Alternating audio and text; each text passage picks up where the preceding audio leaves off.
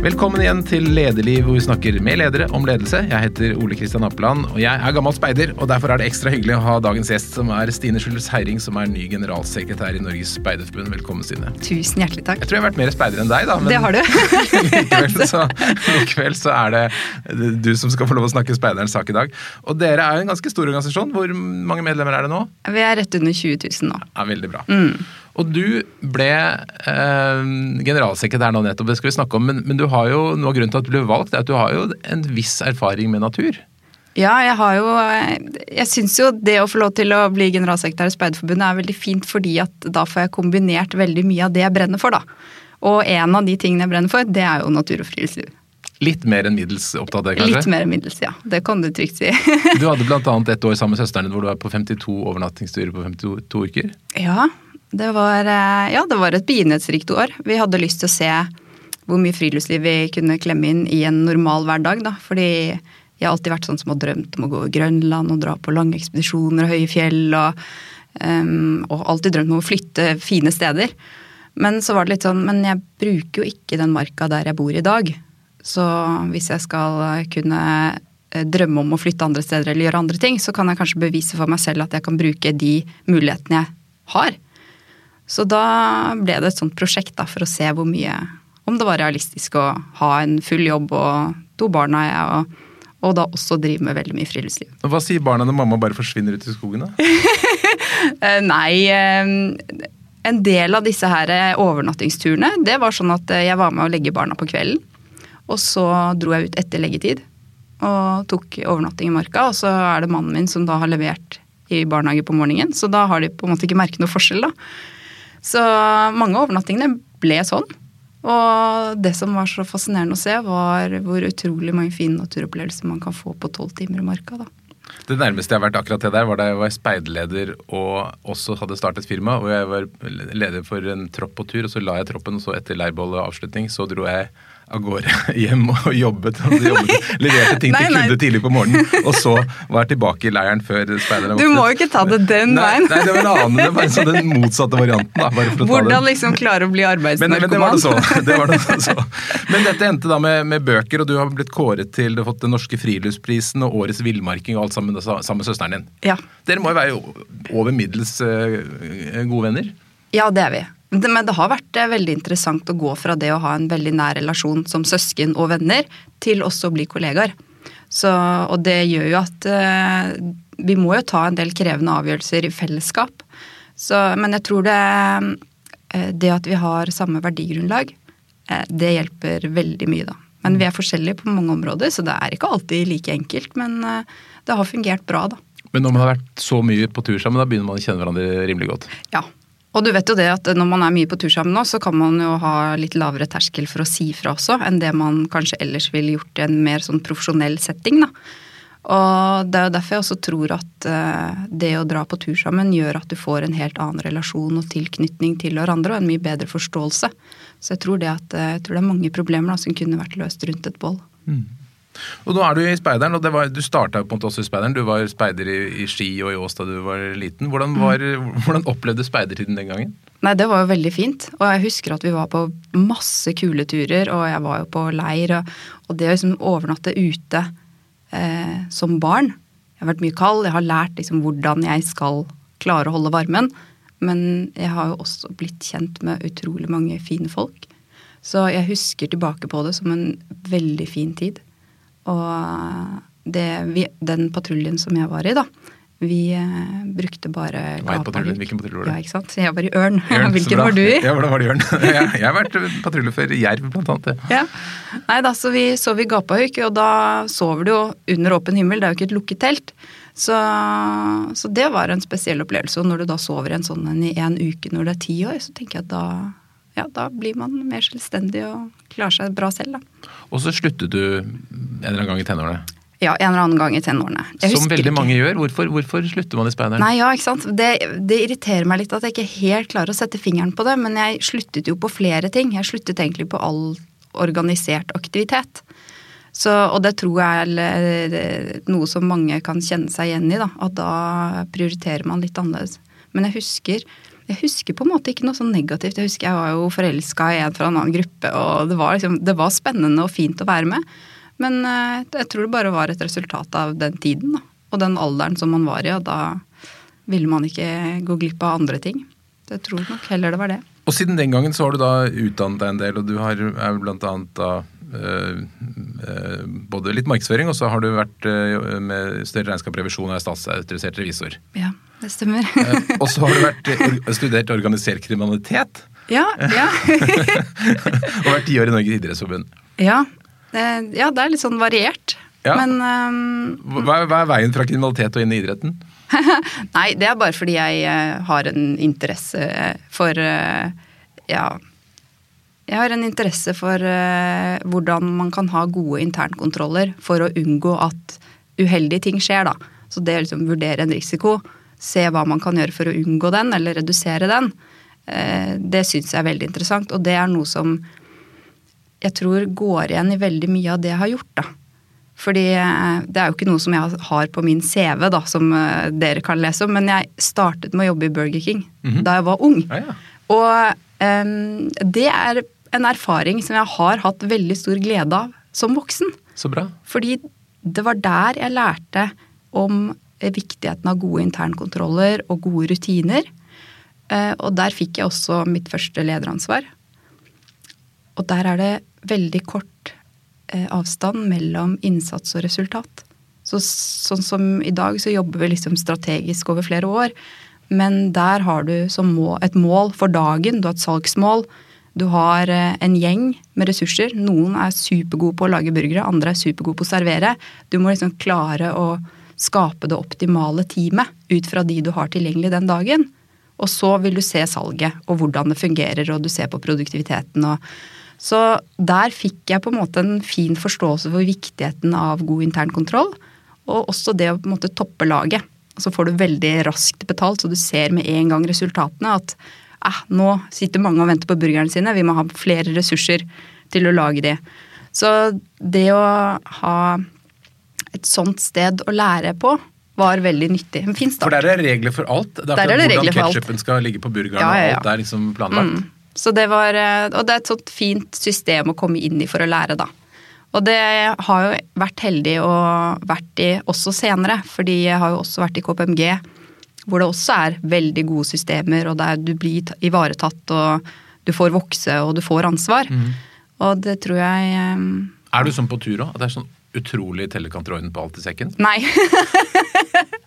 jeg er jo veldig distré og vimsete. Men eh, nei, ja, dette her eh, Søsteren min river seg jo håret, fordi hun er veldig, veldig ordentlig. Eh, Jeg er litt mer distré og tenker ja ja, 80% er bra nok. Nå skal vi Dette ordner seg. Så det er ikke sånn at si at der er sekken til revisoren, liksom? Der er Ja, nei, der er det egentlig Jeg har grei nok kontroll, men det er også en viktig lærdom, faktisk. Det å si at nå er det godt nok. Fordi man kan, man kan jo jobbe seg i hjel, og man kan jo grave seg ned i de snodigste problemstillinger. Og det å evne å ikke gjøre det, da, mm. det tror jeg er, eh, det tror jeg er lurt å ha med seg. Hva har du gjort i Idrettsforbundet? Eh, Jeg har hatt veldig mange forskjellige roller i Idrettsforbundet. Jeg eh, har vært daglig leder av Idrettens regnskapskontor. Som eh, var et eh, kontor som førte regnskap da, for ulike organisasjonsledd i idretten. Og så har jeg eh, vært leder av forvaltningen til Idrettsforbundet, og det har egentlig gått på å sørge for at forvaltningen av alle tippemidlene som går ut til alle de 55 særforbundene, da, at det er i orden. Så har jeg um, vært ganske mye involvert i uh, disse eh, innsyns- og åpenhetssakene som uh, verserte en periode også. Så da ledet jeg arbeidet med å implementere nye rutiner. Og også ledet arbeidet med å åpne regnskapene for pressen, da. Spennende. Veldig spennende. Veldig, veldig spennende. Mm. Og alt dette har da ledet frem til jobben som generalsekretær i, i Speiderforbundet. Ja, du, det, det. er dette noe du har drømt om, eller hvordan kom denne, hvordan havna du der? Nei, du, det var jo jeg, jeg, Det er jo ikke sånn at jeg har tenkt noe sånn veldig over det. Men eh, jeg så at dette her var jo et sted hvor jeg kunne bruke um, det jeg har lært fra næringslivet. det jeg har lært fra organisasjonslivet, og engasjementet mitt da, for barn og unge og naturen, Mhm. i én og samme pakke. Så for meg så var det bare Det er jo drømmejobben. Jeg får jo brukt hele meg. Og så i tillegg så får jeg brukt eh, det jeg har lært av eh, eh, det å kunne formidle et budskap, da. Gjennom det å skrive bøker og holde litt foredrag og sånn. Så, mm, så det var Nei. Det, Men, men eh, det du har gjort da de siste årene, det er vel liksom forvalte og passe på og ha liksom veldig sånn system. Jeg aner at det er en litt annen rolle du har fått nå fra speiderstyret? Ja, men du, jeg liker å si det at når jeg kom ut av revisjonsbransjen, så var jeg en firkant. Mm. Etter en god del år i idretten, så har jeg blitt litt rundere i kantene, da. Fordi nå har jeg på en måte sett eh, når rutiner og struktur og sånn har møtt realitetene. Så, og det er jo viktig å ha med seg også, at du kan ikke liksom bare kjøre på med rutiner. Det er jo mennesker inni her, det er ulike nyanser. Det er eh, en realitet. Du skal komme til mål, du skal oppnå noe. Så jeg har også sett den delen av det. Og det tror jeg er fint å ta med seg inn i organisasjonslivet, fordi um, det er veldig, veldig mye engasjement i organisasjonslivet. Og der er det jo ikke nødvendigvis sånn at du setter sammen et styre eller en gruppe som skal jobbe med noe ut fra kompetansen. Men eh, de er der fordi de har et veldig sterkt engasjement for saken. Da, og da må man eh, lære seg å liksom, tilpasse seg det organisasjonslivet, da. Men jeg syns det er veldig, veldig spennende. Og jeg husker da jeg kom fra, fra næringslivet og skulle over i idretten, og jeg tenkte Jeg er vant til at man skal velge de mest økonomisk lønnsomme eh, valgene. At det er de du skal ta. Men i organisasjonslivet så har du så mye annet du må ta hensyn til, og det er viktig med god forankring, det er viktig at det skal komme nedenfra, du må lytte til organisasjonen, du må se de du har med å gjøre. Og så må du snu deg og tenke hva, hvordan kan vi løse dette. Så det var en annen måte å tenke på, men eh, jeg syns, jeg syns det var veldig interessant og trivdes veldig godt med det. Da, så da syns det er fint å få lov til å fortsette med det i Speideren. Hva er det du håper å få til, eller hva er det andre håper at du skal få til i, i, i, i Speiderforbundet? Nei, vet du hva, jeg må jo si at eh, jeg syns det er utrolig mye bra som er gjort. Eh, Og, det, og jeg må også si at jeg er imponert over at en såpass Altså den, en organisasjon av den størrelsen, da, sammenlignet med et par av disse største idrettsforbundene, de har veldig mange leveranser som går utover det jeg hadde forventet da, av en organisasjon på den størrelsen. Det må jeg si. Mm. Så, og mm, jeg har jo også vært uh, tydelig på at uh, altså, jeg er ikke ansatt for å liksom, endre på hele kortstokken og sette en ny kurs. Det er allerede vedtatt uh, langtidsmål. Det er en handlingsplan som er vedtatt, som man jobber etter. Og min jobb blir jo nå å ta de ressursene som vi har tilgjengelig, og forsøke å gjøre det beste ut av de, sånn at vi kommer best mulig ut med tanke på å nå de målene, da. Så tenker jeg Den viktigste oppgaven min er jo å utøve det som eh, et speiderstyre beslutter, basert på det som da Speidertinget Og Hva er det Speiderstyret og Speidertinget ønsker med organisasjonene? Ja, eh, de ønsker blant annet eh, mer synlighet. Eh, De ønsker at man skal bli flere. Og dette her henger jo tett sammen. Så, og det er jo noe av det som eh, jeg skal være med å bidra til, da. Det er jo ikke enkelt i sånn som eh, eh, dagens samfunn er heller. Men eh, det tenker jeg er viktig å ta med seg, da, fordi formålet til Speiderforbundet det er jo å utvikle selvstendige og ansvarsbevisste barn og unge. Og jeg mener at det er utrolig viktig i dagens samfunn. Men det å være ansvarsbevisst i dag er ikke det samme som det var for 20 år siden eller 50 år siden, så vi må jo klare å tilpasse oss det samfunnet som vi opererer i. Og i dag så har vi en helt annen konkurranse eh, om tiden til barn og unge enn det man hadde tidligere. Så da må man klare å tilpasse seg det.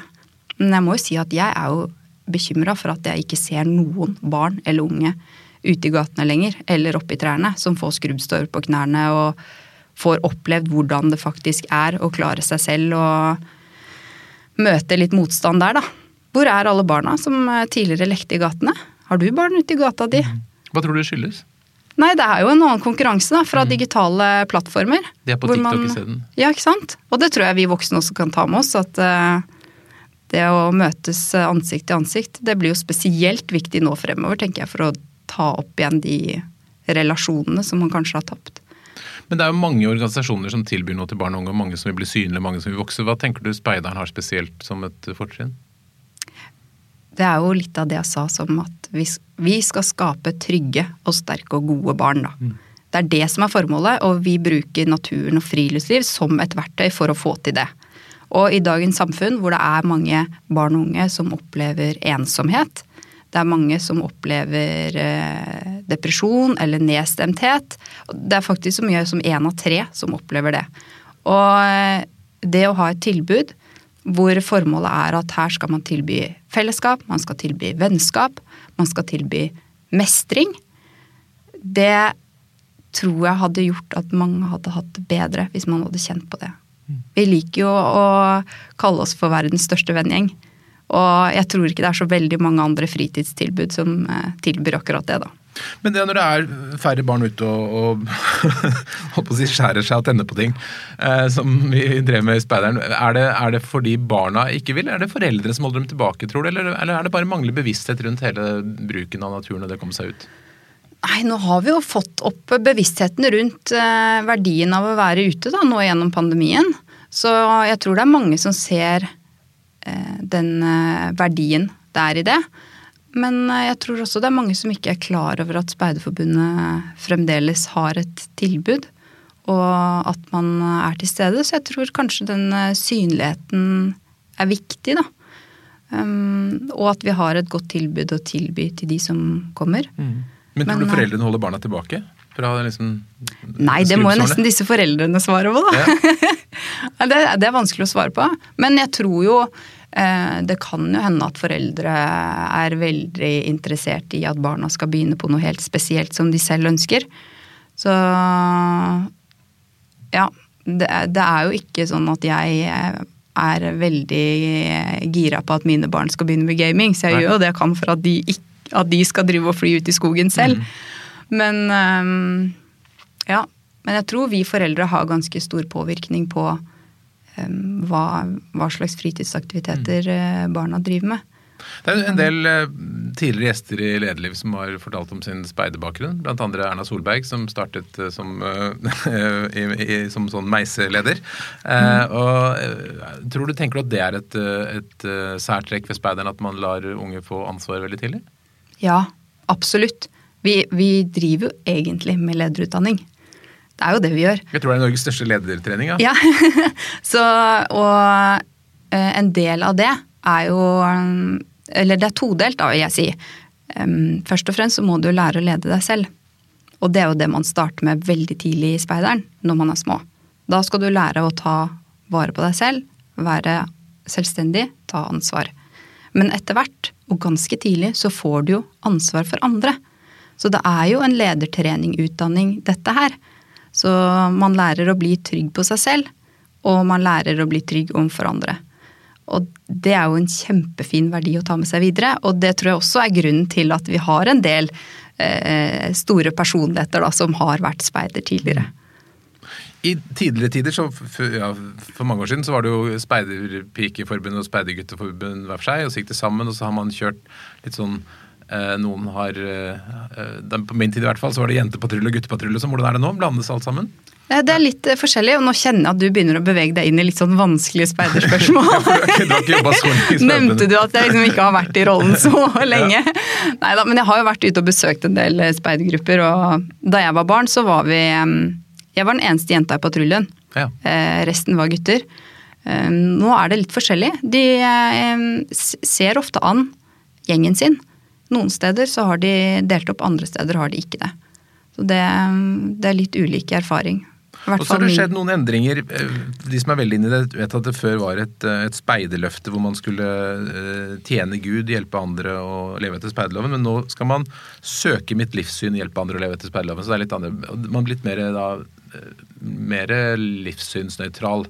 Har det gitt noen effekt? vet du det? Har man fått, fått inn flere religioner i speideren gjennom det? Hmm. Å, du, du, har jo veldig veldig gode spørsmål, da. du klarer liksom å peke på akkurat der hvor det er eh, eh, interessante diskusjoner. Men ja, man, det henger jo litt sammen med det å tilpasse seg samfunnet for øvrig, da. At man ønsker eh, mangfold, og man ønsker å være en inkluderende organisasjon. Og da ønsker vi også å være åpne for alle, uavhengig av tro eller livssyn. Og vi opplever jo at det er eh, Vi må på en måte speile samfunnet for øvrig. Og da er det også viktig at vi er inkluderende, sånn at alle skal føle seg velkommen hos oss. Men vet du om man i noen særlig grad har lykkes å, å, å um, rekruttere flerkulturelle inn i speider? Det vet jeg ikke. Dette vil du sikkert finne ut ja.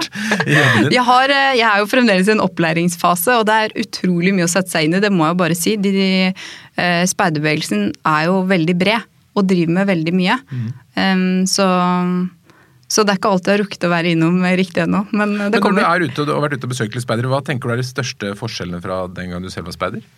Det, det, er mye likt, da. Men uh, det har vært en endring i, på utstyrsfronten, selvfølgelig. Det er ganske mye mer fancy nå. Det er ikke liksom slagstøvler og Eh, Tunge bomullstelt? Ja, og sånne teppeposer og det er, eh, det er, ordentlig fancy opplegg. Og på noen av disse her eh, litt større leirene har de jo de har kafételt og du har ismaskin. Og det er, jo, det er jo ganske mye kule ting da, mm. som man har på disse leirene. Og det er ja, man har bedre fasiliteter sånn sett. Mm. Så, men ellers, det er, det er også mye likt. Så de fleste synes... gamle speidere ville kjenne seg igjen på speidmøtet i dag? Ja, det vil man. Og jeg syns det er fint det å kunne kombinere det tradisjonsrike eh, med noe nytt, da.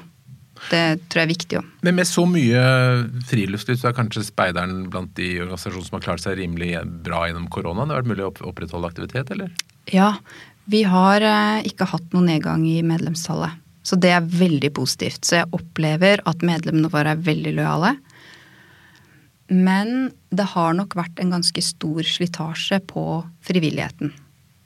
Fordi man må planlegge for én ting, og så kommer det nye retningslinjer, og så får man ikke gjort det, og så må man gjøre endringer i planleggene, og så må man kanskje avlyse, eller kanskje vi ikke trengte å avlyse, og så må man holde igjen, og så Så det jeg er mest bekymra for, er eh, frivilligheten, og at man liksom At vi får med oss de videre. Og de har vi jo ikke noe tall på. Så medlemmene, de er stabile. Mm. Det er mange som eh, driver med friluftsliv, som har oppdaget friluftsliv under pandemien. Mm. Det er en stor motivasjon i befolkningen for å fortsette med det. Så der tror jeg at vi kan fylle en fin og viktig mm. rolle fremover, da. Speideren skiller seg jo litt fra, fra idretten i forstand at det er ingen speiderledere så vidt jeg vet, som får noe som helst betalt, mens i idretten så honorerer man jo en del eh, trenere og sånt noe. Tenker du at det er bærekraftig? Kan man fortsette å drive, eh, forvente gratisinnsats? ja, det er, jo, det er, jo, en eh, krevende problemstilling akkurat det der. Fordi eh, man har et litt annet syn på tiden sin nå enn det man hadde for 25 år siden. Da. Og det å være frivillig i dag er jo noe annet også. Eh, tidligere hadde man kanskje ikke så mange aktiviteter å forholde seg til, sånn at eh, da du var frivillig, så kunne du gi mye av tiden din til den aktiviteten. Og jeg ser jo også at eh, i speidingen så er det mange som vier all tiden sin til speiding. Mm. De syns det er så kult, og de syns det er så gøy å være med på tur og være med disse barn og unge ut og se på den gleden som de har. Så de syns det er helt ok å bruke tid på det. Men det fins også mange foreldre og andre frivillige som har mye annet som de driver med. Og da er det sånn at det å være frivillig kanskje bare én ettermiddag i uka, er det de klarer. Mm. Og hvis det er i den retningen man beveger seg, så er det ikke sikkert at det er like enkelt å rekruttere til de rollene som er veldig krevende. Og da ser jeg at man i enkelte anledninger da benytter betalt arbeidskraft, da. Mm. Men uh, Det er spennende å se hvordan det utvikler seg over tid. ja. Nå kjører jeg veldig hardt med. Det er mye speiderspørsmål. Ja, ja, du, det er veldig. men, men, men, du kommer da inn som, som, leder. Det er et kontor med en del ansatte, og du har tillitsvalgt som forholder seg til det. og Selv om du da ikke er den liksom, øverste valgte lederen, så er du den øverste ansatte lederen. Har du noen tanker om din lederfilosofi, hvordan du vil være som leder? Hadde du noe sånn når du møtte opp på forbundskontoret første dagen? Ja, jeg, jeg tror det viktigste er bare at jeg er meg selv. Fordi at eh, jeg kommer til å eh, være i denne rollen både ute på tur, eh, i vanskelige møter og i andre sammenhenger. Så, så det, er, det, er, meg de får. Så Men det er jo Jeg skal jo både lede en organisasjon og mange personer. Og for meg så er det viktig at jeg forstår den kulturen som organisasjonen har.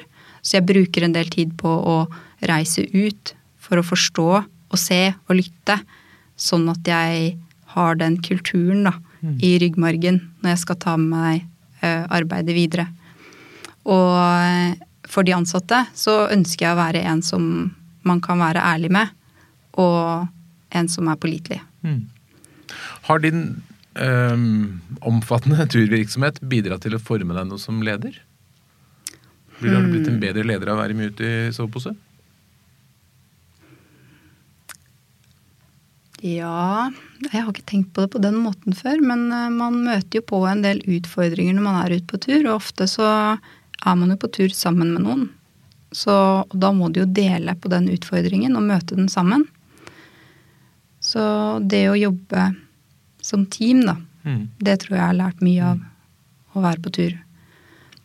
Og så tror jeg også jeg har lært mye av det at man må være løsningsorientert. Og finne en god vei ut av det. Mm. Så, men jeg har aldri tenkt på det som en sånn eh, en slags metafor da, på Nei, lederskap. kan- Det, Kanskje det ligger sånn underbevisst hvis du inviterer meg tilbake der. om fire år, så, Ja, så kanskje jeg har det. Men, men øh, du har jo da mange turer som jeg gjerne skulle hørt historie om alle sammen. Men er det én tur som har gjort spesielt inntrykk på deg, som, liksom, som kanskje har formet deg spesielt? Og du, det, nå stiller du et veldig vanskelig spørsmål for en som har vært på veldig mange turer med utrolig mange fine folk, da. Hmm. Er det jeg- noen gang noe har gått veldig galt eller blitt veldig vanskelig, sånn at du har måttet lære av det? Ja. Det er det. Hmm. Ja, det har ikke alltid gått like bra. Så mm, jeg har vært på turer hvor det har vært uh, ulykker, hvor det ikke har vært noe ok. Og hvor vi har måttet løse det først akutt, der og da. Og så gjøre um, vanskelige vurderinger med tanke på om hva man skal gjøre videre. Hvordan man skal komme seg ned. Om man, hvilken, hvilket veivalg som er klokt. Um, og det å ringe ambulanse og få inn hjelp. Og egentlig også oppfølgingen av det etterpå. De eh, erfaringene da, som man drar med seg, og det å på en måte bearbeide det. Mm. Så Hva har du lært av det? Nei, jeg har um, fylt opp førstehjelpsskrinet Det er velfylt på hver eneste tur. Eh, og så er det lurt å ha snakket sammen, sånn at man har gjort en god forventningsavklaring i forkant av turen. Og gjort gode avklaringer om eh, hvor komfortsonen går for de enkelte deltakerne, da. Så, så det har egentlig vært Ja, det er jo Nå ble, ble det alle- veldig sånn alvorlig her. ja, så nå- men, men, ja, men det er alvorlig. Og det, er, og, det, og det tenker jeg litt sånn i, i arbeidslivet også. Så møter man jo på vanskelige konflikter. Og man kan møte på utfordrende problemer, da. Og, og da tror jeg det, det dukker opp, og uheldige ting skjer. Og da er det viktig at vi eh, tar de på alvor, og at vi lærer av det, da. Ja. Mm, men, men, og, det, og det er jo noe av det kanskje man lærer som speiderleder òg, nettopp ved å være med på sånne ting. At man, får, at man modnes ved å løse problemer som de du beskriver nå. Ikke sant? Det er jo akkurat det man gjør, og det er jo derfor man blir så ansvarsbevisst når man begynner i speideren. fordi da får man jo en del utfordringer som man møter på, og som man må løse selv eller sammen med gruppa si, da. Det skal jeg fortelle masse historier om fra egen erfaring, men det skal jeg ikke gjøre nå. og da, Hvis det er noen som har lyst, så kan de si fra, så kan vi gå en tur sammen. Men eh, er, du har jo faktisk skrevet øh, noen bøker om Norges beste turer. Altså Ja. Norges beste tureventyr og Norges beste turklassikere. Da er jeg veldig spent på, Kan du trekke frem én? Hva er den beste turen vi har her i landet? Nei, men det finnes jo mange kategorier, da. Jeg har jo også skrevet en bok om korte turer rundt byene. Um, så Men greit, jeg skal prøve meg på en, eh, en tur som jeg syns er utrolig fin. Og det er en vinterkrysning over Finnmarksvidda. Og såpass, ja. Vi starter der. ja. Selvfølgelig. Ja. Ja, ja, men det må jo være en tur som gjør noe med deg. Kom igjen. Nei, vi, kan, vi kan ta en sånn uh, samtale over der en gang, vet du. Hvordan gjør man en vintergressing over Finnmarksvidda? Da, da, da må man være veldig du- profesjonell, nesten. Da, man Nei da, du trenger ikke å være så profesjonell, skjønner du. Men øhm, du bør helst ha med deg noen som er profesjonelle. Men da går man fra utenfor Alta, så krysser man vidda over til Karasjok. Og det som er så utrolig bra med den turen, det er at det er hytter, betjente hytter over der, så du har en dagsmarsj imellom. Og Hvor lang er da en dagsmarsj? Hvor mange mil kan det være? Nei, den lengste er vel opp mot tre mil. Men eh, du bærer ikke med deg så mye mat. Du bærer ikke med deg telt eller eh, sovepose. Du kan få eh, oppredd seng når du kommer frem på disse hyttene. Og så får du selvfølgelig servert reinsdyr til middag på hver eneste hytte innover. Det ser fantastisk ut. Hvor mange Men- dager går man? Det er i fire dager. Og da får du altså Finnmarksvidda servert rått med stjernehimmel, du får nordlys, du får de vakreste solnedganger, og du kan få ruskete vær. Og jeg tror det er mange som har en sånn viss ok grunnform som kan gjennomføre en sånn tur, hvis de eh, har med seg en guide. Det, det er en helt rå tur. Når på året bør man gå? Hmm? Når på året? Nei, fra februar til april, kanskje. Fantastisk. Så det kan man sette på lista si over ting man burde gjøre. Og for å ta en litt i andre enden, da, som ikke krever så mye, hva kan det være? Åh, nei, men du, jeg har jo vært eh, i alle Norges 15 største byer da, på kortreiseturer.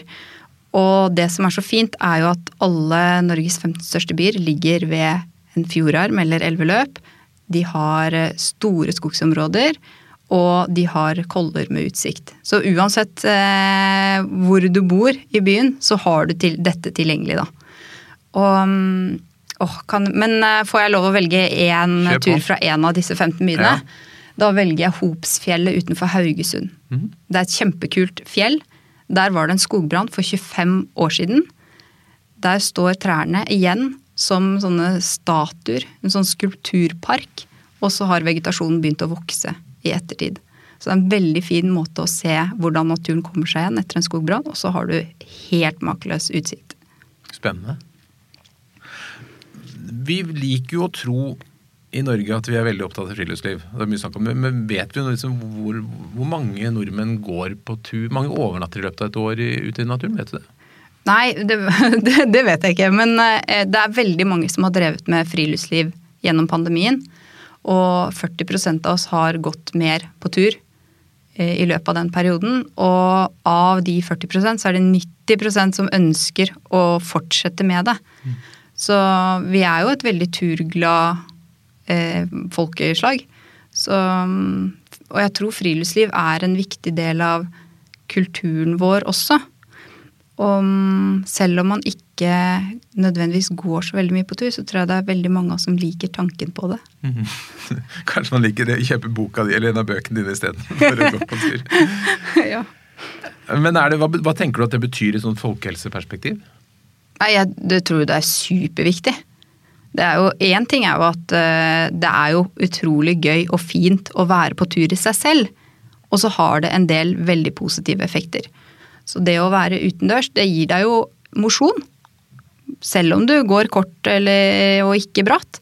Du får mosjon, du kan få trening, du kan få mestring. Um, bare 20 minutter i naturen er jo nok til å senke stresshormonene. Så det har jo også veldig god effekt på den mentale helsen. Så jeg tror eh, vi alle hadde hatt veldig godt av å komme oss ut på tur en gang.